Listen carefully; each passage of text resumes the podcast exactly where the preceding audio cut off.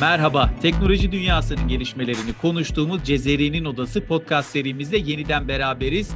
Bugün teknoloji podcastımızdaki yolculuğumuzun özel bölümlerinden birisi ve her zamanki gibi bana Anadolu Ajansı teknoloji muhabiri arkadaşlarım Tolga Yanık ve Kadir Günyol eşlik edecek. Arkadaşlar hoş geldiniz. Hoş bulduk. Hoş, hoş bulduk. Şimdi bir cümle okuyacağım. Temel hedefimiz dijital teknolojilerin kullanımı yoluyla ülkemizin dünya sahnesinde rekabet gücünü arttırmak ve yenilikçi yaklaşımları destekleyerek yerli ve milli teknolojilerimizi dünyanın her yerinde vazgeçilmez kılmak olacak. Bu sözler kime ait? Bu sözler bugünkü konuğumuz Cumhurbaşkanlığı Dijital Dönüşüm Ofisi Başkanı Sayın Ali Taha Koç'a ait, Doktor Ali Taha Koç'a ait. Sayın Başkan hoş geldiniz yayınımıza. Hoş bulduk, merhabalar. Ee, başkanım öncelikle tekrar teşekkür ediyorum yayınımıza katıldığınız için. Tabii Türkiye son yıllarda teknoloji alanında yaptığı atılımlarla başka bir seviyeye yükseldi. Dijital Dönüşüm Ofisi de e, dijital alandaki yükselişin başarının mimarlarından birisi. Ofisin başkanlığını yürüten Doktor Ali Taha Koç. Sayın Başkan sohbetimize şöyle başlayalım istiyorum. Öncelikle tabii ki biz biliyoruz takip ettiğimiz için ama dijital dönüşüm ofisi ne yapar? Hatta ve hatta siz de kendinizden şöyle kısaca bir bahsederseniz bizi mutlu edersiniz. Ali Taha Koç kimdir? Buyursunlar. Merhabalar. Öncelikle ben de çok mutlu oldum sizlerle bu, bu böyle bir program yaptığım için. Ee, ben, Ali Taha Koç kimdir? Ali Taha Koç bir elektronik mühendisi. Bilkent Elektronik'ten mezun olduktan sonra 2001 yılında kariyerime Amerika Birleşik Devletleri'ne devam ettim. Texas Üniversitesi'nde master ve doktorumu tamamladıktan sonra da ARGE e mühendisi olarak başladım. Öncelikle Intel, bu biliyorsunuz dünyanın en büyük çift, e, çift firmasında ARGE mühendisiydim. Sonra ARGE direktörlüğüne kadar yükseldim. 9 sene orada çalıştıktan sonra toplam 13 sene Amerika'da kaldıktan sonra da 2014-31 e, Mayıs'ta yola çıktım. 1 Haziran'da Türkiye'ye geldim ve 8 senedir de Türkiye'de çalışmaktayım. Öncelikle Sayın Cumhurbaşkanımız Başbakanlığı döneminde baş e, müşavirdim. Arkasından külliyenin kuruluşu sırasında teknolojik danışmanlığını ve orada bilgi ve teknoloji altyapısını kurma konusunda çalışmalarımız oldu. Ve 2018 yılında Cumhurbaşkanlığı hükümet sistemine geçişle beraber biliyorsunuz yeni hükümet sistemimizde dört tane yeni ofis kuruldu. Bu Sayın Cumhurbaşkanımızın bu dört tane ofise verdiği önemlerde bahsetmek gerekirse bir tanesi insan kaynakları ofisi, bir tanesi e, finans ofisi, bir tanesi yatırım ofisi, bir tanesi de dijital dönüşüm ofisi. Şimdi insan olmadan herhangi bir dönüşümden bahsedemeyiz. Yatırım ve para olmadan da bahsedemeyiz. Ama bunların hepsini bütüncül olarak düşünecek bir ofise de ihtiyaç vardı. Dijital dönüşüm ofisi Türkiye'nin dijitalleşmesine ama öncelikle kamunun dijitalleşmesine ön ayak olmak için kurulmuş bir ofis. Ofisimizin en önemli işlerinden birisi öncelikle biz Dijital Türkiye diyoruz. Eski ismiyle de veya herkesin bildiği ismiyle E-Devlet kapımızın bütün koordinasyonu bizim sorumluluğumuz altında. Ve göreve geldiğinizden beri yaptığımız yoğun çalışmalarla artık bugün 61 milyon üzerinde kullanıcısı olan bir kapıya sahibiz. Geçen sene tek başına vatandaşlarımıza 3 milyar kez işlemlerini gerçekleştirdik E-Devlet kapısı üzerinde. Şimdi 3 milyar kez sayısı belki az gelebilir ama bu 3 milyar kez vatandaşlarımızın kamu kurumlarına gitmemelerine ve aynı zamanda mesai dışında işlerini yaptıklarını da söylemek zorundayım. Yani bizim mesaimiz yok, bizim zamanımız yok, bizim yerimiz yok. Dijitalleşme öyle güzellik ki yerden, mekandan ve e, zamandan ayrı bir dünyada yaşıyoruz. Geçenlerde bir örnek vereyim mesela biz öğrencilerimizin başvurularını, üniversite kayıtlarını e-devlet üzerinden yapıyoruz. Gecenin üçünde sizce bir öğrenci üniversiteye kayıt yaptırır mı? Eskiden yaptıramazdı. Mümkün yani yaptıramazdı. Gecenin üçünde kayıt yaptıran öğrencilerimiz var. Bilmiyorum ne aklına geldi, unuttu mu gecenin üçünde niye bekledi ama belki de canı öyle istemiştir. Bu sene üniversite kayıt süresi ortalama iki buçuk dakika. Bakın ortalama iki buçuk dakika. Eskiden ne yapıyorduk? Bütün belgelerimizi topluyorduk. Annemize, babamıza sarılıyorduk. Sonra otobüse atlıyorduk. Gidiyorduk üniversitemize. Sıraya giriyorduk. Artık bunların hepsi gitti. Başkanım eskiden üniversite kayıt yaptırma diye bir dönem o yani o dönemde yaşanan bir hani ne derler harala kaos olurdu evet. öyle bir şey var. Masalar kurulur böyle uzun. Bu sadece üniversiteyle alakalı değil. E, hemen hemen bütün işlemler için, bütün kamu işlemleri için böyleydi. Şimdi geçen birkaç rektörümüzle konuştuk. Şimdi eski düşünüyorlar çok fazla insanın geleceğini. Çok güzel hazırlıklar yapmışlar, şenlik yapmışlar, yemekler, içecekler falan. Diyor ki hepsi boşta. Kimse gelmedi diyor. Sonra hepsini oradaki gençlere dağıtmışlar ama yani beklentiler öyleydi. Herkesin böyle bir şenlik havasına gelmesi. Ama onun dışında bir şey daha yaptık. Biz öğrencilerin ilk gün dersler başladığı zaman gitmesini, belki bir gün önce gitmesini istiyorduk. Onun için de kredi yurtlara başvurusunu da, yurtlara başvuru ve krediye başvuruyu da dijital yaptık. Öğrenciler videolarını izlediler, hangi yurda başvuracaklarına karar verdiler, ondan sonra başvurularını yaptılar. Yani biz gençlerimize şunu diyoruz, dijital teknolojilerin her türlü imkanından kamunun hizmetlerini kullandıracağız ve işlerini kolaylaştıracağız.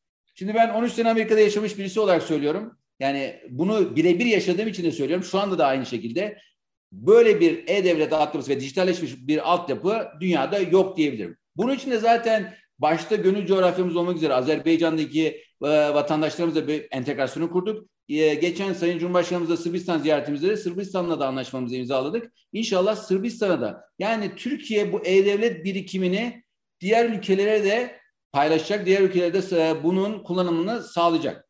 Bu bir görevimiz. Daha görevimiz bitmedi. Dijitalleşme dediğimiz zaman öncelikle hizmetlerin dijitalleşmesi olduğu kadar bu dijitalleşme hizmetlerin çıkarmış olduğu verinin korunması gerekiyor. Onun için de bizim olmazsa olmazımız şey siber güvenlik. Şimdi siber güvenlik olarak da kamunun siber güvenlik farkındalığını arttırmak için birçok proje yapıyoruz. Ama siber güvenlikten kısaca bahsetmem gerekirse bu birçok halkası olan bir zincir. Ama en önemli halkası, belki de en zayıf halkası insan. Şimdi biz insanda farkındalığı oluşturmadığımız zaman bu halka hemen kırılıyor. Size siber saldırının yüzde 85'inin oltalamayla başladığını söylesem, siz oltalamaya gelmediğiniz zaman siber güvenlik yatırım yapma miktarınızı direkt azalmış oluyor. Ve geri kalan yüzde 15'i üzerine yoğunlaşmanız gerekiyor. Ama siz yüzde 85'i eğer savunamazsanız baştan maça yenik başlıyorsunuz. Onun için de bizim en önemli şeylerden birisi bana bir şey olmaz. Ne olacak? Verilerim çalınsa da ne olur? Önemli değil. Şifremi çok basit kullandım. Şifremi post yaptım, duvara astım. Bu tür farkındalıkları kırmamız lazım. Ben arabamın anahtarını, evimin anahtarını kimseye vermiyorsam, banka kartımı, şifremi kimseye vermiyorsam, ne e-devlet şifremi, ne elektronik posta adresimi, ne sosyal medya adresimi hiç kimseye vermemem lazım. Ve ben şunu bilmem gerekiyor özellikle Türkiye'deki eğer bir ürün, dijital ürün Dijital dünyada bedava diye bir ürün yoktur. Eğer bedava bir ürün varsa ürün ta sizsiniz. Ve bu anlamda eğer siz bir yerde bedava televizyon dizilerini izliyorsanız, bedava olmaması gereken bir içeriğe erişebiliyorsanız kesinlikle ve kesinlikle sizin bilgisayarınıza zararlı bir yazılım yüklenebiliyor. İşte bunun farkında oluşturmamız gerekiyor. Çünkü Türkiye'de bu kadar çok botnet dediğimiz bot ağların oluşmasının en önemli sebebi bu. Sonra kullanıcıların e, keylogger dediğimiz yani e, parmaklarına bastıkları e, şeylerle verileri alınıyor. Sonra diyorlar ki sistemlerde hacklendi. Sistemler hacklenmedi. Siz bile bile şifrelerinizi verdiniz. Şimdi bu farkındalığı oluşturmak için şöyle bir proje yaptık. TRT'nin çok güzel bir çizgi film serisi var. Rafadan Tayfa. Ve biz Türkiye'de gittik dedik ki biz içeriği hazırlayacağız. Size 10 bölümlük bir dijital tayfa yapalım. İçeriği biz hazırladık. Şunun farkına vardı bunu yaparken Dijital tayfayı sadece çocuklar izlemiyor. Çocukların yanında anneleri de babaları da izliyor. Güvenli internetin kullanımından yerli milli teknolojilere kadar yapay zekayı anlattık. Ama yapay zekayı anlatırken en önemli konu olan veri ve etik boyutunu anlattık. Şimdi bu tür şeyleri anlattıktan sonra şunun farkına vardık. Bizim bir üst seviyeye çıkmamız gerekiyordu ve Milli Eğitim Bakanlığı'yla bir proje gerçekleştirdik. Türkiye'de tektir ve ilktir ve şu ana kadar da tek olmasıya devam ediyor son üç senedir. İstanbul Teknopark'ta siber güvenlik meslek lisesi açtık. Bakın meslek lisesi. Hep meslek lisesi dediğim zaman işte torna, tesviye falan düşünüyorduk ama bizim için siber güvenlik çok değerli bir meslek. Ve bunu lise seviyesinde başlatmamız gerekiyordu ve çok az kişi aldık. 30 kişi aldık. Ama okul yapmadık. İstanbul Teknopark'taki bir katı boşalttık. Öğrenciler sanki startupta çalışıyormuş gibi, bir şirkette çalışıyormuş gibi derslerini alıyorlar. Oradaki startup'taki arkadaşlar bunlara eğitim veriyorlar. Ve öğlen yemeklerini kimle yiyorlar bu arkadaşlar? Oradaki, Oradaki genç uzmanlarla yiyorlar. Evet. evet başkanım hatta Teknopark'ta şey Teknopark diyorum Tekno e, Fest'te de yarışma düzenlediniz. O öğrencileri de orada görme şansı elde etmiştik. Evet, şimdi biz tabii hep kademe kademe gidiyoruz. Teknofestler'deki siber güvenliğin sorumlusu dijital dönüşüm ofisi. Biz bütün e, 2018'den beri yarışmaların hepsini biz düzenliyoruz. Ve her sene üstüne koyarak gidiyoruz. Bu sene e, Hack Karadeniz'de Zonguldak'ı tamamen kapattık. Zonguldak'taki şehri sanki siber saldırı yapılmış bir şehire dönüştürdük. Oradaki siber güvenlik polisleriyle e, ve birçok kuruma zararlı yazılımlar yerleştirdik ve arkadaşları ilk defa siber güvenlikle fiziksel aktiviteyi birleştirmiş olduk. Arkadaşlar bir zafiyet bulunca koşa koşa gittiler. Oradaki bilgisayarlardaki imajları aldılar. Sonra tünellerden geçtiler. En sonda olaya biraz daha şaka katalım diye iki tane hacker bulmaları gerekiyordu. Onların GPS lokasyonunu buldular. Ama bu hacker'ın olduğu yere hızlı gitmeleri gerekiyor diye onları sahil güvenliğin Zodiac botuyla hareket ettirdik. Hayatlarında ilk defa bir arkadaş da yüzme bilmiyormuş. Epey korktu. Sonra bottan indi arkadaş. Bottan indikten sonra da bir tünelden geçmesi gerekiyormuş. Başka bir arkadaşın klastrofobisi varmış. O arkadaşı tünelden geçiremedik. Ama hackerlar da kaçacaktı. Bekliyorlar GPS lokasyonunda. Ne yapalım dedik. Hemen bir Yunus polis arkadaşımız aldı arkasına. Hayatında Zodiac'a ilk defa bindi. Arkasından e, tünelden geçti. Arkasından Yunus indi. Ve sonra da en son finalde GPS lokasyonunda Sayın Sanayi ve Teknoloji Bakanı Mustafa Orank'la beni karşılarına buldular. Bu bir işte o iki hacker sizdiniz değil mi başkanım? evet. O günlük sadece hep beyaz şapkamızı takıyoruz ama o günlük evet. siyah şapkamızı taktık. Sonra da arkadaşlara o kadar heyecan yaşattık ki çünkü biz onlar artık hacker demiyoruz esasında. Bizim için onlar bizim siber kahramanlarımız. Nasıl sınırlarımızı koruyorsak bu siber güvenlik uzmanlarımız da bizim dijital vatanımızı koruyan kahramanlarımız. Kesin. Ve bu kahramanlarımızla beraber e, kahramanlıklar yaşamamız lazım. Biraz adrenalin lazım. Kesinlikle Masa başında, var. bilgisayar başında olmaması gerekiyor. Böyle bir gerçeklik yapma ve aynı sonunda ekibi Teknofest'e getirdik. Sonra sağ olsun jandarma e, Skorsky helikoptere bindirip orada biraz da havada zıplattık. Yani bizim yarışmamıza gelen girenlere mutlaka bir öncelikle sağlık muayenesinden geçirmek gerekiyor. evet, bir... Şu ana kadar hiçbir siber güvenlik yarışmasında böyle bir şeyler yapılmamış. Ondan böyle bir bu seneki yarışmamızda da değişik planlarımız var. Böyle bir hapishane ortamı oluşturup kapılarda dijital teknolojiler insanları içeri kilitleyip acaba şifreleri kırabilirlerse çıkabilecekler mi? İnşallah klostrofobisi olan insanlar olmaz. Ama şu var, bunu yapmamızın en önemli sebebi her sene yarışmanın kalitesi artıyor, katılanların kalitesi artıyor. Çünkü bu işin ilgi, alakası olan insanlara biraz da heyecan ve biraz da adrenalin katmamız gerekiyor. Bilgisayar başına şuraya giriyorum işte kodu yazıyorum falan dışında başka bir şeyler ve biz bunu yaptıktan sonra özellikle Azerbaycan'daki yarışmalarda da falan böyle tür bizden destek istediler. Yani bu bir ekol oluşturmaya çalışıyoruz. Siber güvenlikle belki e, ismi yani adrenalin yarışmalarını birleştiren bir yarışma haline getirdik. Bu daha sonra da geçen hafta çok daha büyük bir atılım gerçekleştirdik. Sayın Cumhurbaşkanımız YÖK e, Yüksek Öğretim Kurumu'nun açılışı töreninde de açıkladı. Türkiye'de ilk defa meslek lisesinden sonra bir üst kademe olan meslek yüksek okulu açıyoruz. Ne? Siber Güvenlik Meslek Yüksek Okulu. Şimdi hep Sayın Cumhurbaşkanımız da söylediği gibi bu arkadaşlar ara eleman değil, aranan eleman olacaklar. Çünkü bizim siber güvenlikte dünya çapında 3 milyon siber güvenlik uzmanına ihtiyaç var. Şimdi biz Türkiye için aranan elemanlar yetiştirirken aynı zamanda dünya içinde aranan elemanlar yetiştirmiş oluyoruz. Bunu düşündüğünüz zaman insan kaynağımızın ne kadar değerli olduğunu farkına varmamız lazım. Çünkü Türkiye'de çok genç bir nüfus var. Şimdi siz 50 yaşında, 60 yaşında tabii hep büyüklerimizi çok seviyoruz ama onları siber güvenlik uzmanı yapmak için epey bir yol sarf etmeniz lazım. Ben E-Devlet'i kullandırmakta zorlanıyorum. Şimdi bunları nasıl siber güvenlik uzmanı yapayım? Ama genç arkadaşlar, lisede başlayan, üniversitede başlayan arkadaşların benim çok kaliteli mimarlık okumuş, sosyal bilimleri bitirmiş, tarih okumuş ve siber güvenlik uzmanı olmuş tanıdıklarım var. Bu işe gönül verdiğiniz zaman herkes siber güvenlik uzmanı olabilir. Bizim de siber kahramanlarımız olur inşallah. Bu buradan devam edeceğim aslında. Az önce bahsettiğiniz yerden. Az önce E-Devlet'ten bahsettik. Türkiye'nin genç nüfusundan bahsettik. Gerçekten Türkiye çok çabuk adapte oldu E-Devlet'e. Çok fazla kullanıcısı var. Sizce bunun nedeni sadece genç nüfus mu? Yoksa Türk insanı gerçekten dijital teknolojiyi çok mu sevdi? Bu birinci sorum. İkinci sorum da genç nüfus çok fazla ve Türkiye e, dijital teknolojiyi çok sevdi.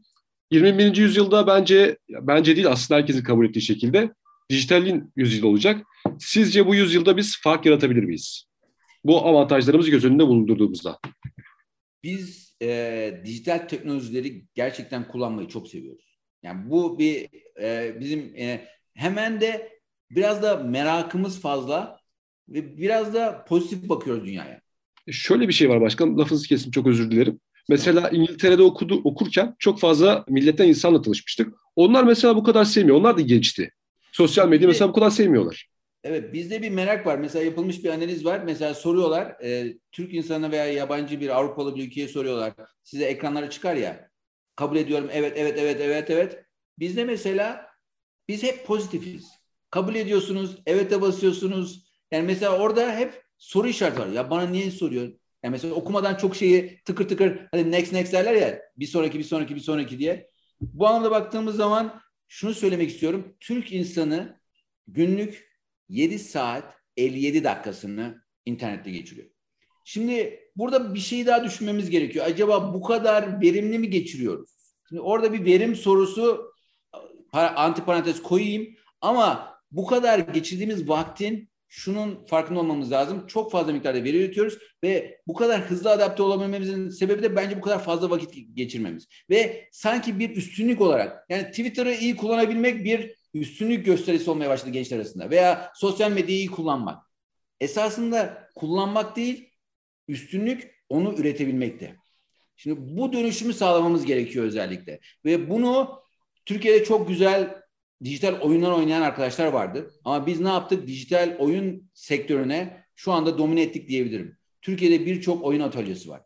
Peak Games'ten tutun Gram Games'e kadar e, bütün şirketlerimiz yüksek fiyatlara kafa topuna kadar birçok şirketimiz değerlendi ve dijital oyun pazarında üretmeye başladık. Şimdi buna baktığımız zaman artık kullanıcıdan üreticiye doğru bir geçiş var.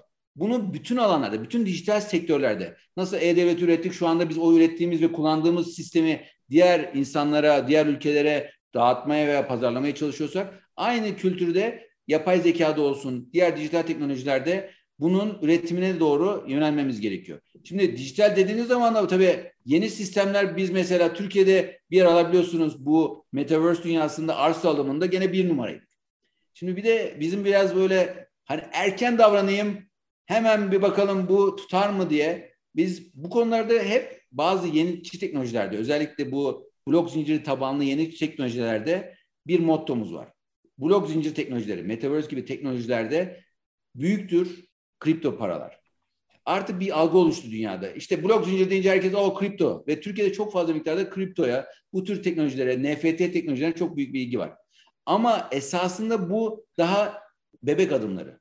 Blok zincir gibi dağınık bir mimarinin çok daha fazla uygulamaları olacak. Ne olacak? Akıllı kontratlar gelecek. Dijital kimlikler gelecek. Yani sadece bu boyuta sokmamamız gerekiyor. Biz bu boyutta kalırsak ne yazık ki ve ne yazık ki kullanıcı olmaya devam ederiz. Onun için de biz ne yaptık?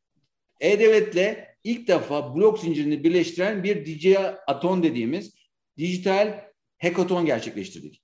Yaklaşık binin üzerinde blok zinciri bilen yarışmacı önelemeleri geçti. İnşallah 12 Başkanım bu ne zaman e, oluyor şimdi bu hackathon? Yani bildiğimiz kadarıyla şimdi zaten siz de az önce söylediniz yani birçok hackathon gerçekleştiriyorsunuz siz de bünyenizde. Gençler de buna çok katılıyor. Özellikle bu blok zinciri e, açısından soruyorum. Çünkü son dönemde sizin de değindiğiniz gibi blok zincir teknolojileri bir böyle bir atılım yaptı daha sonra e, işte, kripto parayla çok fazla ilişkili. Kripto paralarda piyasalarda biraz dengesizlik derken blok zincir gündemden böyle tam çıkıyor gibi oldu ama aslında blok zincirin kullanım alanı kripto paralar ve NFT konusunun da üstünde bambaşka bir boyutta.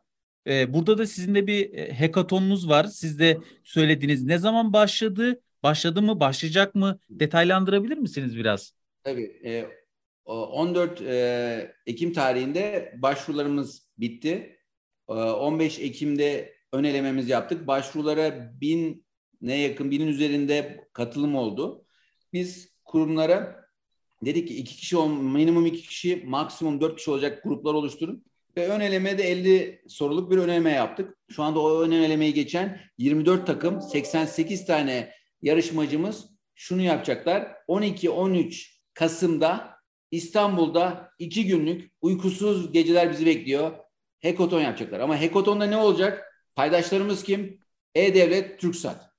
Paydaşlarımızın dijital dönüşüm ofisi, Avalanche, AVAX ağı altyapıyı sağlayacak ve aynı zamanda TOG. Türkiye'nin yerli mobilite ekosisteminin TOG'un altyapısını da burada kullanacağız ve şunu söylemek istiyorum artık bizim bu TOG'u bir arabadan daha çok dijital dönüşümün, dijitalleşmenin bir parçası olarak görmemiz gerekiyor. Çünkü bir araba değil o. O teknolojisi içine bilgisayar almış bir teknoloji harikasına dört tekerleğin takılmış hali. Evet Güzel Gürcan Bey de aynı zamanda onu bir teknolojik araç olarak nitelendiriyor. Hiç araba diye Bilgisayar, e, hitap evet. etmiyor, anmıyor onu. Şimdi içinde, Başkanım ben evet, Buyurun. buyurun başkanım. İçinde cüzdanı olan, içinde teknolojisi olan, size yol gösteren ve içinde vakit geçireceğiniz bir sisteme doğru dönüştü. Şimdi düşünürseniz direksiyonun olmasının bir sebebi var. Niye? Çünkü otonom daha gelmedi. Ama eğer o otonomu kaldır gel, getirdiğiniz zaman artık arabalarda direksiyon olmayacak. Sadece bütün ekranlar no- normal koltuğunuzda oturuyormuş gibi rahat rahat oturduğunuz bir ortam oluşacak. Buyurun e, Tolga Bey. Başkanım ben daha böyle özel bir soruyla devam etmek istiyorum. Şimdi CV'nize baktığımız zaman siz de şeye başlattığınız zaman söylediniz. Amerika Birleşik Devletleri'nde uzun yıllar kaldınız. Intel'de ARGE direktörlüğüne kadar yükseldiniz. E, çok sayıda bilimsel makaleniz, patentiniz var. Görüyoruz internete girince. Hatta 2016, 2006 mı 2016 mı yanlış söylemiş olabilirim. E, en çok patent sahibi olan mühendis 2013'te, Intel'de 2013'te on- gelmeden bir sene önce. Hani derler ya en üst seviyede işi bırakmak gerekiyor ya. En üst seviyede bırakayım diye 2013'te Intel'de en fazla patent çıkartan 10 kişiden birisiydim. Şimdi böyle bir background'dan gelip idari bir görevde şimdi sizin başka bir ünvanınız da var. Dijital Dönüşüm Ofisi Başkanı. Herkesin bildiği ünvan. Siz aynı zamanda kamu dijital dönüşüm liderisiniz. Böyle aktif bir mühendislik background'undan gelip bir idari bir koca bir ülkenin dijital altyapısını şekillendirmek ve ona liderlik etmek nasıl bir duygu? Önceki hayatınızı özlüyor musunuz? Öyle bir girizgah yapmış olayım. Öncelikle şunu söylemem gerekiyor. Ben e, aynı zamanda Bilkent Üniversitesi'nde hala dersler veriyorum. Master ve doktora dersleri. Öğrencilerime ve bütün genç arkadaşlara söylüyorum. Mutlaka vizyonlarını geliştirmek için bir yurt dışı, Avrupa, Asya'ya doğru bir açılım yapmalarında fayda var. Çünkü daha değişik kültürleri tanıyorsunuz. Daha değişik kültürlerdeki insanların çalışma e, usullerini öğreniyorsunuz. Bu bağlamda benim için Amerika hayatı e, 13 sene sonunda şu seviyeye gelmişti. Artık hani bir doyum seviyesine gelirsiniz ya ve doyum seviyesinden sonra artık kendi ülkenize bir şeyler katabilmek istiyorsunuz. Hı. Ve o sırada da Sayın Cumhurbaşkanımız e, teveccüh gösterdiler, bizleri çağırdılar ve biz şunu yaptık. Bundan sonra dedik ki artık öğrendiklerimizi, yaşadıklarımızı, deneyimlerimizi nasıl ülkemize fayda e, çevirebiliriz diye Türkiye'ye döndük. Onun için herhangi bir şekilde bir pişmanlığım ve eski hayatımı özlediğim bir durum yok. Şimdi tabii yaşam tarzımız biraz değişiyor. Yani Evet. yaptığınız toplantıların formatı değişiyor. Yani orada tamamen doktoralı arkadaşlarla RGG, 4G, 5G yeni teknolojileri konuşurken bu anda biraz daha bürokrasiden bahsediyorsunuz. İşte hizmetlerin dijitalleşmesinden bahsediyorsunuz. Ee, işte toplu 250 bin tane konutun nasıl hızlı bir şekilde vatandaşlarımız tarafından başvuruların yapılacağından bahsediyorsunuz. Ama buradaki vatandaşımıza dokunma ve ona onların hizmetlerini kolaylaştırma bunun verdiği haz hiçbir yerde hiçbir yerde yaşayamazsınız. Bu Peki. anlamda baktığınız zaman hiçbir şekilde eski hayatımı özlemiyorum. Ve şunu söylemek istiyorum. Gerçekten Türkiye'deki bu potansiyeli gördükten sonra ve bu potansiyeli eğer biz doğru kanalize ettiğimiz zaman Türkiye'nin geleceği çok parlak. Çünkü niye biz bu genç nüfus, bu kadar iştahlı genç nüfus o kırılmayı bir kere biz görebildik. Nerede gördük? Savunma sanayinde gördük. Biz nerede gördük? Teknofest kuşağında dediğimiz Teknofest gençliğinde gördük. 2018'de kurduğumuz zaman ne kadar az sayıda katılımcı varken geçen sene 600 bin tane yarışmacı vardı. Bakın 600 bin yarışmacı bir sene boyunca 30'un üstündeki yarışma ile ilgili düşünüyor, proje geliştiriyor, ürün üretiyor ve bunu sunuyor. Şimdi bu tür bir gelişme 600 bin bu dip dalga yavaş yavaş büyüyecek. Şimdi bu 600 bin tane gencin şirketler kurduğunu düşünün. Ürünler geliştirdiğini düşünün. Ki bunların arasında bir tane de ürünümüz var. Mesela, mesela bizim model uydu yarışmamızda başarılı olan ekip SpaceX uydusunu yaptı. Zonguldak Bülent Ecevit Üniversitesi. Grizu. Grizzly takımımız. 6 aydır da uydusu low orbit dediğimiz düşük yörüngeli uydusu çalışıyor. Ve sonra da bir girişimcimiz destek oldu. Bir şirket kurdu ve şu anda şirketinin başında. İşte görmek istediğim şey bu. Kesinlikle. Önce bir fikirden ürüne doğru bir dönüşüm, ürünün başarılı olması, sonra bir girişim ve sistemi büyütebilmek. İşte Başkanım, bu e, buyurun. Özür dilerim lafınızı kestim. Bu savunma sanayi ile ilgili özellikle sizin de bildiğiniz gibi birçok teknoloji, internet olsun, navigasyon olsun önce savunma sanayinin ortaya çıktı, sonra yayıldı. Siz bu noktada Türkiye'deki savunma sanayindeki gelişmeleri ileride sivil alanda taşıyacak bir teknolojik itici güç olarak görüyor musunuz? Kesinlikle. Şimdi şöyle bir durum var. Biz özellikle savunma sanayinde e, İHA'lar ve SİHA'larla dijital dönüşüm için öncelikle dijital hizmetlerin verilmesi lazım ama erişim çok daha değerli. Siz bir hizmeti veriyorsanız ama vatandaşınıza erişemiyorsanız kesinlikle ve kesinlikle dijitalleşmiş olmuyorsunuz. Günümüzde karasal altyapılarla bütün Türkiye'yi kaplamayı, Türkiye'deki kapsam alanını sağlamamız imkansız.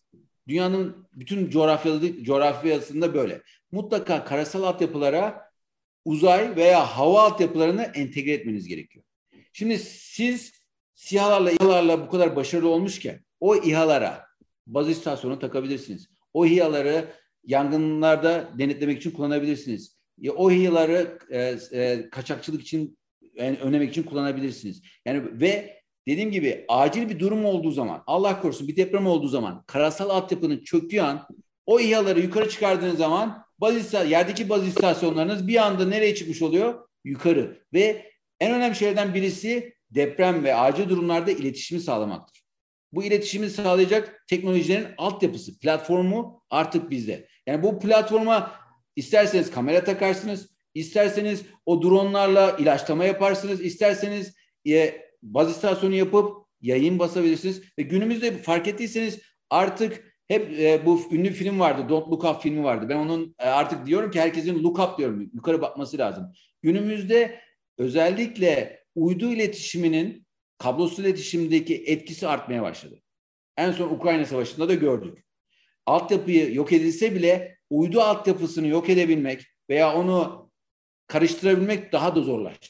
Ondan dolayı artık bizim Türkiye olarak bu savunma sanayinde almış olduğumuz bilgi birikimini ve büyümeyi sivil alanlara doğru kanalize etmemiz gerekiyor. Ve kanalize edilmemiz için şu anda çok daha uygun durumdayız çünkü platformlarımız var. Eskiden bir platformları üretmemiz gerekiyordu ama elimizde olan platformları değişik senaryolarda kullanmaya doğru e, evrilmemiz gerekiyor. Başkanım benim bir diğer sorum da şu olacak. E şimdi Türkiye'de yaşayan vatandaşlarımız tabii anlattığımız zaman yurt dışına göre çok iyiyiz. E-Devletimiz çok iyi. E-Nabız'da çok güzel randevu alıyoruz. Sistemimiz tıkır tıkır işliyor deyince e tabii yurt dışı deneyimi olmayanlar e, biraz ölçeklendirme yapamıyor. Siz şimdi yurt dışında yaşamış bir insansınız uzun yıllar ve orada çok ciddi teknoloji firmalarında görev aldınız. E şimdi de bir idari pozisyonda bir göreviniz var. E, muhtemelen yurt dışında sizinle emsal görevlerde bulunanlarla toplantılar gerçekleştiriyorsunuzdur vesaire. Türkiye'nin bu anlamda diğer ülkelerle kıyasladığınız zaman olduğu noktayı nasıl görüyorsunuz? Başkanım çok özür dileyerek ben bir şey eklemek istiyorum. Ben benim çocuğum İngiltere'de doğdu.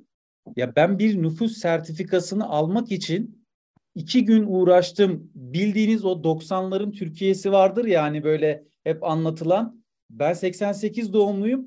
Hani çok o dönemi şey yapamadım ama ya böyle evraklar, şeyler, şunlar bunlar.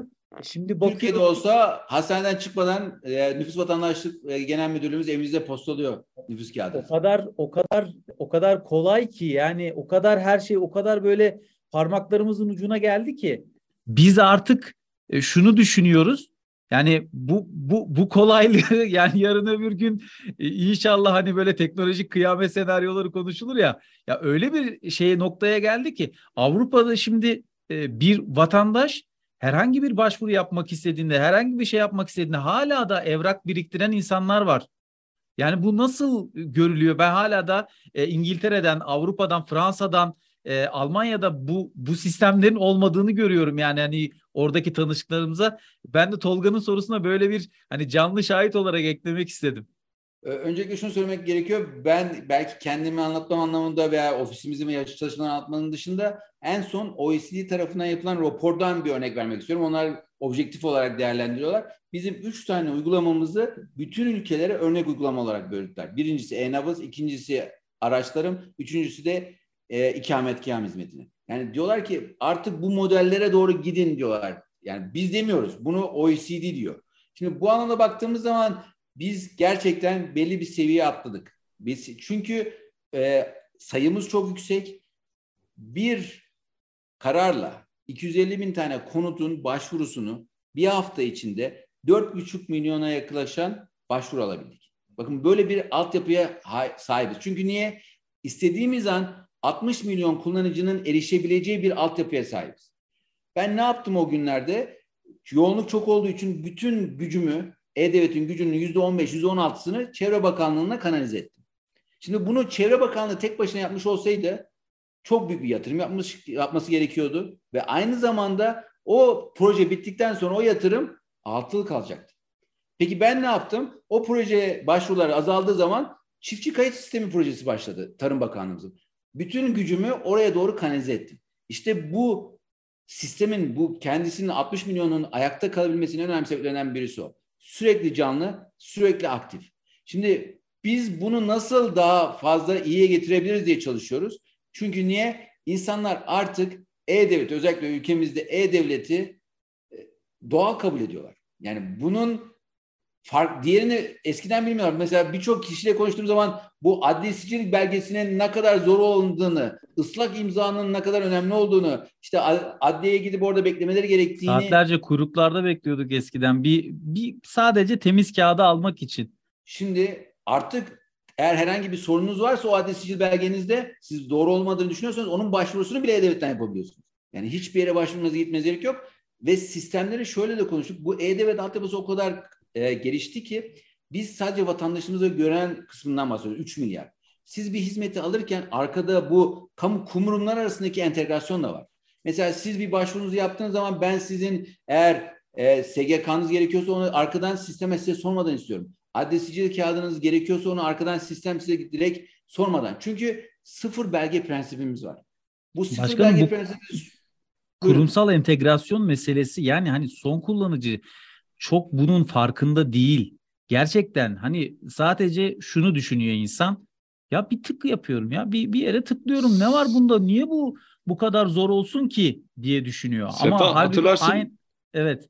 Geçen hafta şeyi konuşmuştuk. Süper App'i konuşmuştuk. Orada evet. bir e, uygulamanın içine birçok hizmeti sokabiliyordunuz. Örneğin WeChat'te gördük bunu. Mesajlaşma, işte randevu alma, e, yemek siparişi verme gibi aslında biz o hafta e, E-Devlet'i çok konuşmadık yani şu anlamda. Şimdi ben başkanım konuşunca biraz gözümde canlandı. Şöyle bir süper app'ten bahsediyor olabilir miyiz başkanım? Kesinlikle yani esasında e, süper app'lerin süper app'i diyorum ben.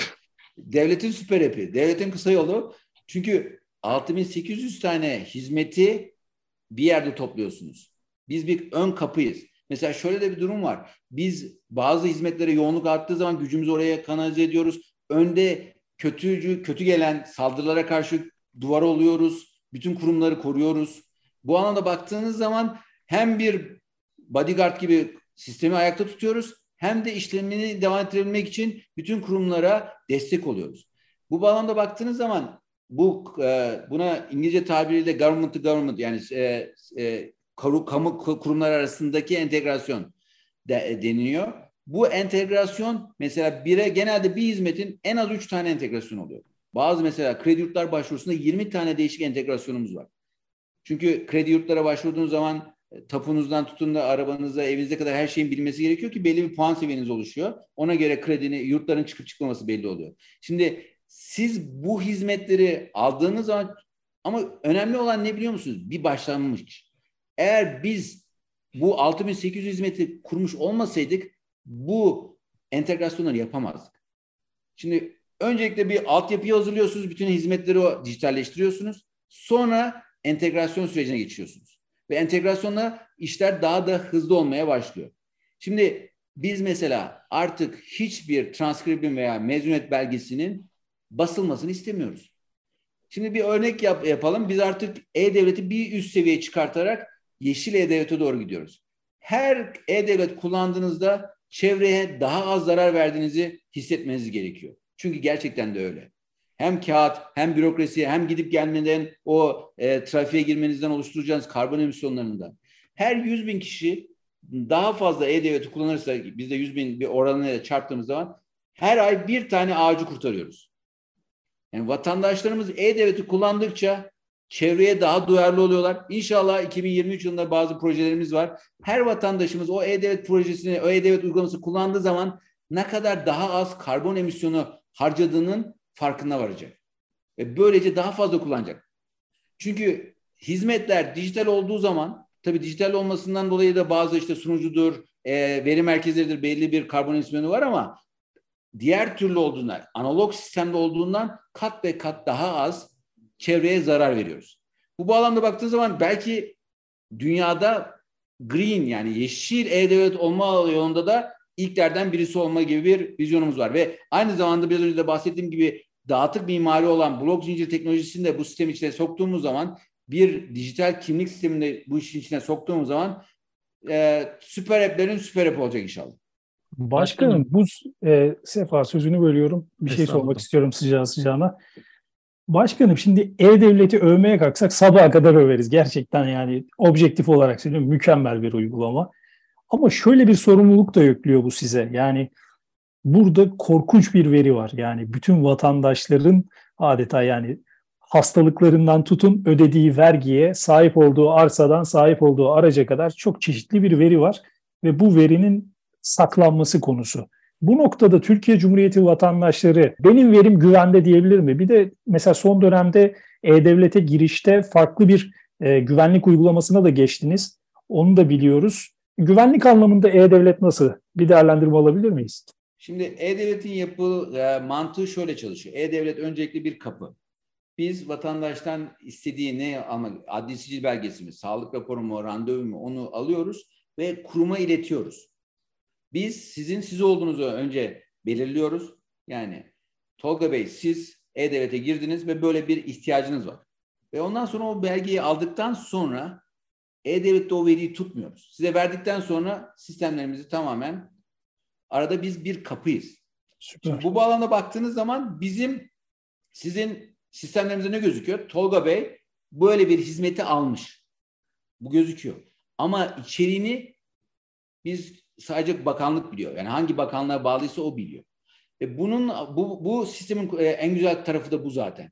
Yani eğer e-devletle ilgili herhangi bir veri kazıntısı olacaksa öncelikle kaynak olan bütün bakanlıklardaki sistemlerin ele geçirilmesi gerekiyor. Çünkü biz sadece bir ön kapıyız.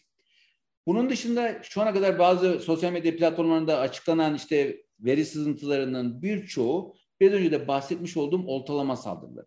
Oltalama saldırıları olduğu zaman kullanıcı kendisi e-devlet şifresini ve kullanıcı adını veriyordu. Ve ondan sonra da sisteme girilince oradaki bilgiler işte topu bilgisinden tutun sağlık bilgilerine görünce insanlar aa bütün sistemlerime ele geçirilmiş zannediyor. Ama normal bir kullanıcı gibi kullanıcının adı ve şifresi, TC kimlik numarası ve şifresi bilindiği için bir e, zafiyet oluşuyordu. Bunu engelleyebilmek için artık Türkiye'de nasıl bütün bankalarımızda olduğu gibi vatandaşlarımıza da ikincili bir doğrulama getirdik. Vatandaşlarımız istedikleri zaman e-devletine girip bunu şu anda isteğe bağlı yaptık. İsteyen vatandaşlarımızın kayıtlı cep telefonuna ikinci bir SMS ile doğrulama getirme hakkı tanınmadı. Şimdi ne kadar 60 milyon kullanıcımız var ama sadece 600 bin kullanıcımız bunu onayladı. Şimdi biz yavaş yavaş bu farkındalığı da oluşturarak çünkü kullanım miktarını bir anda azaltmak çünkü bu bir ekstra yük getiriyor vatandaşımıza. Onu da azaltmak istemiyoruz ama yavaş yavaş bunu zorunlu hale getireceğiz. Ve böylece eğer zararlı bir şekilde şifrenizi kaptırmış olsanız bile kesinlikle ve kesinlikle aynı zamanda telefonunuzu da kaptırmanız gerekecek. O telefon numaranızı da kaptırmanız gerekecek. Ve böylece ikinci bir doğrulamayla kullanıcıların verilerinin kullanıcıların bakın sistemin hacklenmesi veya sistemin sızıntısı değil. Kullanıcının verilerinin ele geçirmesini önlemeye çalışacağız. Aynı zamanda ikinci bir şey getirdik. Biliyorsunuz E-Devlet'in kullanımını artırabilmek için bankalar üzerinden de e-devlete geçiş olabiliyordu. Bunu da isteğe bağlı yaptık. Eğer siz bankalar üzerinden de yani banka sistemine girdiğiniz zaman kullanıcı olarak otomatik olarak e-devletinize geçiş yapabiliyordunuz. Çünkü bankada sizi doğrulamış olduğunu ve bankacılık sistemine BDDK'ya güvendiğimiz için böyle bir uygulama getirmiştik. Bunu da isterseniz kapatabiliyorsunuz. Aynı zamanda yeni bir özellik daha getirdik. Eğer siz e-devleti sadece Türkiye içinden kullanıyorsanız yurt dışından girişi de kapatabilme yetkisi getiriyoruz size. E böylece eğer siber saldırganlar sizin şifrenizi ele geçirip herhangi bir CD'ye veya USB'de satılmaya başladığı zaman genelde yurt dışına satılıyor. Orada yurt dışından herhangi bir saldırı veya girişi de engellemiş olacaksınız. Böylece şunu unutmamız gerekiyor. Siber güvenlik alanında yüzde yüz güvenlik diye bir şey yoktur. Eğer size birisi sistemin yüzde yüz güvenli diyorsa doğruyu söylemiyordur. Çünkü bu bir süreçtir. Her gün daha iyi gitmeniz gerekiyor. Bu bağlamda da biz de E-Devlet'te karşılaştırmış olduğumuz risklerle ve tehditlere karşı her geçen gün önlemlerimizi arttırıyoruz. Başkanım artık yavaş yavaş e, süremizin sonuna doğru geliyoruz. Yani gerçekten dijital dönüşüm ofisleri e, biz siber güvenlik tarafı işte bu e, dijital dijital dönüşümün de ötesindeki vizyonuyla belki saatlerce konuşsak yetmez. Son olarak şunu sormak istiyorum. Çok önemli bir e, görevi üstlendi. E, Dijital Dönüşüm Ofisi ulusal yapay zeka strateji belgesini hazırladı ve vizyonu da müreffeh bir Türkiye için çevik ve sürdürülebilir yapay zeka ekosistemiyle ekosistemiyle küresel ölçekte değer üretmek olarak açıklamıştı bu strateji belgesinde. Şimdi biz Cezeri'nin odasında genelde teknolojinin hayata dokunan kısımlarını sosyolojik anlamda da çok masaya yatırıyoruz. Yapay zeka e, bu işin neresinde olacak? E, yapay zeka strateji belgesinde neler hedefleniyor? Veya hani siz şöyle bir ölçeklendirme yaptınız mı? Türkiye'deki yapay zeka mesela startup ekosistemi nasıl bir durumda? Böyle bir e, bu çalışmanın temeli ve gideceği yer neresi? Öncelikle yapay zeka konusunda e, 2021-2025 yıllarını kapsayan Türkiye'nin ilk ulusal yapay zeka stratejisini yayınladık geçen sene. Sanayi ve Teknoloji Bakanlığı'yla beraber hazırladık bu stratejiyi. Şunu unutmamamız gerekiyor. Dijitalleşmeyle veri üretiyoruz. Ama veriyi sadece depolayarak bir değer üretemeyiz. Yenilikçi teknolojilerden birisi olan yapay zeka ile bunu değere dönüştürmemiz gerekiyor. Çünkü değere dönüştüğü an doğru etiketlendiğinde, doğru sınıflandırıldığı zaman ancak bir katma değeri var. Bu bağlamda baktığımız zaman bu stratejimizin en önemli özelliği ve önemli hedefi yapay zeka alanında istihdam artırabilmek. Ve 50 bin istihdam hedefi koyduk 2025 yılına kadar. İnşallah 2024 yılında 2025-2030 yılının vizyon strateji belgesinde yayınlayacağız. Ama 50 bin hedefini koymamızın en önemli sebebi 2030 yılına gelindiği zaman yapılan araştırmalar şunu gösteriyor. 15.7 trilyon dolarlık bir ekosistemden bahsediyoruz. Yapay zeka ekosistemi. Şu anda kullandığımız bütün aletler ve ileride kullanacağımız bütün aletlerin içinde mutlaka ve mutlaka bir yapay zeka modülü olacak. Nasıl bilgisayarlaşma ve dijitalleşme artık herkesin olmazsa olmazıysa yapay zekayı da bilmemiz gerekiyor. Yapay zeka üzerinde ürünler geliştirmemiz gerekiyor. Bunun için de çok önemli bir hedef koyduk. Gayri safi yurt içi hasılanın yüzde beşi yapay zeka tarafından karşılanacak. Yani böyle bir üretkenliğe doğru dönüştüreceğiz. Şimdi yapay zeka ekosistemine baktığımız zaman Türkiye'de her çeyrek takip ediyoruz. Şu anda baktığımızda 275'e yakın yapay zeka girişimi var. Her çeyrekte 20-25 yapay zeka girişimi daha e, filizleniyor.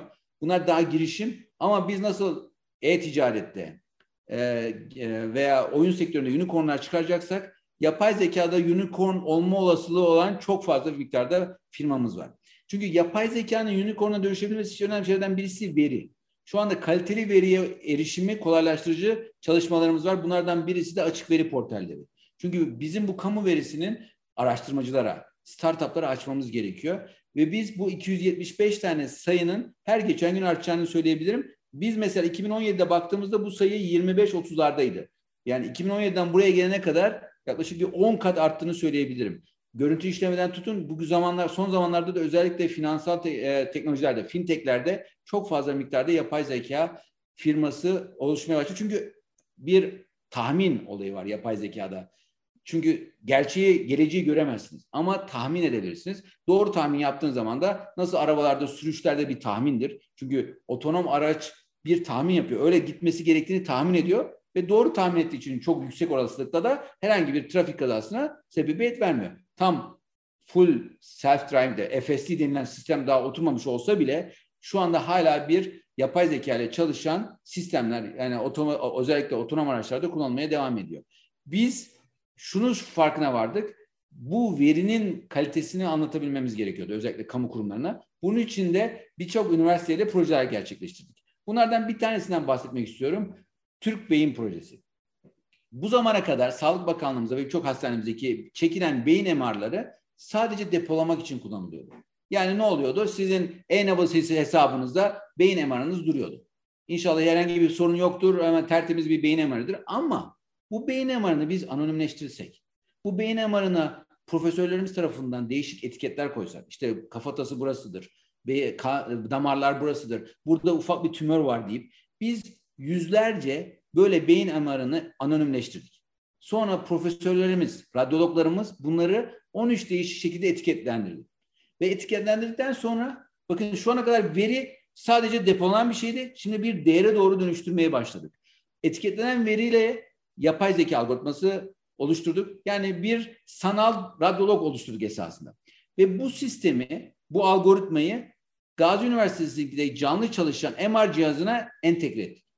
Şu anda Gazi Üniversitesi'nde, Başkent Üniversitesi'nde, Uludağ, Bursa Uludağ Üniversitesi'nde beyin MR'ı çektirdiğiniz zaman sistem 5 saniye ile 10 saniye arasında. Bakın radyolog daha görmeden size beyinde bir anormalik var mı yok mu? Bir sorun var mı? Acil bir durum var mı yok mu bilgisini veriyor. Bunu kime veriyor? Doktora veriyor. Ve böylece doktor daha erken teşhis koyabilmesi için o verilere bakıyor. Yani sabit bir veriden bir karar destek sistemi oluşturduk. İşte yapay zeka bizim küresel anlamda refah e, ve gelişimi sağlamamızın hedefi de bu. İnsanımıza dokunması lazım. Yapay zeka sistemleri insan hayatını etkileyebilecek, günümüzde birçok robot, robot tarzı yapay zeka algoritmaları da var. Özellikle mesela bu alanda Japonya çok ileri gitmiş. Çünkü niye? 100 yaşının üstünce binlerce bakıma ihtiyacı olan insana ihtiyacı var. Ve bu insanların bakımını robotlar tarafına yapması gerekiyor.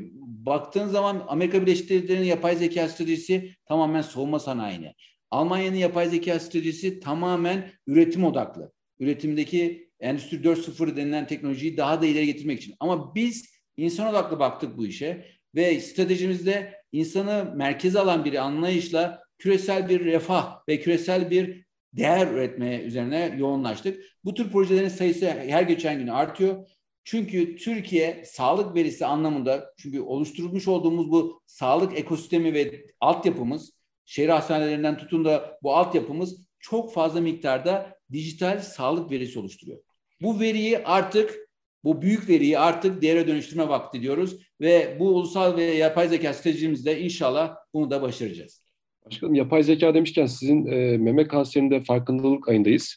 E, bir projeniz var. Biraz ondan bahseder misiniz? Şimdi e, şöyle bir şey oldu. Beyin projesi çok başarılı olunca, hocalarımız da çok sevince e, birçok alanda doktorlarımız dediler ki bizim de verimiz var. Biz de bu verileri etiketlendirebiliriz, anonim hale getiririz. Oradaki kişisel verileri ayırabiliriz. Ve biz de dedik ki veriniz varsa biz de o, o alanlarda çalışabiliriz ve o çalıştığımız algoritmaları geliştirebiliriz dedik. Ve e, Türkiye'deki önemli bir e, sorunlardan birisi de erken teşhis konusunda me, meme kanserindeki erken teşhis. O oluşan verilerden bir proje daha oluşturduk. Sonra bir baktık ki esasında yapay zeka ile veriniz varsa her organınızı belirleyebilecek, oradaki anormallikleri belirleyecek bir algoritma geliştirebilirsiniz. Alan uzmanlarıyla yapay zeka uzmanlarını birleştirerek. Bunun için de bu projenin adını sayısal göz dedik. İngilizce tabirle digital eye. Sayısal göz verisi olan her türlü organın sistemine bakıp oradaki kural setlerine göre anormallik var mı yok mu onu anla, anlamaya çalışıyor. Burada da oluşturduğumuz olduğu e, verilerle meme e, tomografi verileriyle beraber bu memedeki kitle analizini yapabilecek duruma geldik. Ve bu da şu anda aktif bir şekilde çalışıyor. İnşallah yakın bir zamanda bunu da canlı ortama alacağız. Çünkü şunu unutmamamız gerekiyor. Bunlar sadece bir ARGE projesi değil. Ancak ve ancak canlıya aldığımız zaman başarılı oluyorlar. Size mesela bir örnek vereyim. Bu Türk Beyin projesinde verinin ne kadar değerli olduğunu anlatmak için belki kullandığım çok güzel bir örnektir. Biz hep 14 yaşıyla 60 yaşında arasındaki veri setimiz vardı. Bir gün canlıya aldığımız zaman bir tane iki aylık bebek geldi. Ve iki aylık bebek beyin MR'ı çektirdi. Şimdi hayatında hiç bebek MR'ı beyni görmemiş bir sistem olduğu için Bize ne dedi biliyor musunuz? Burada bir anormallik var dedi. Ama çünkü niye? Hayatında hiç görmemişti.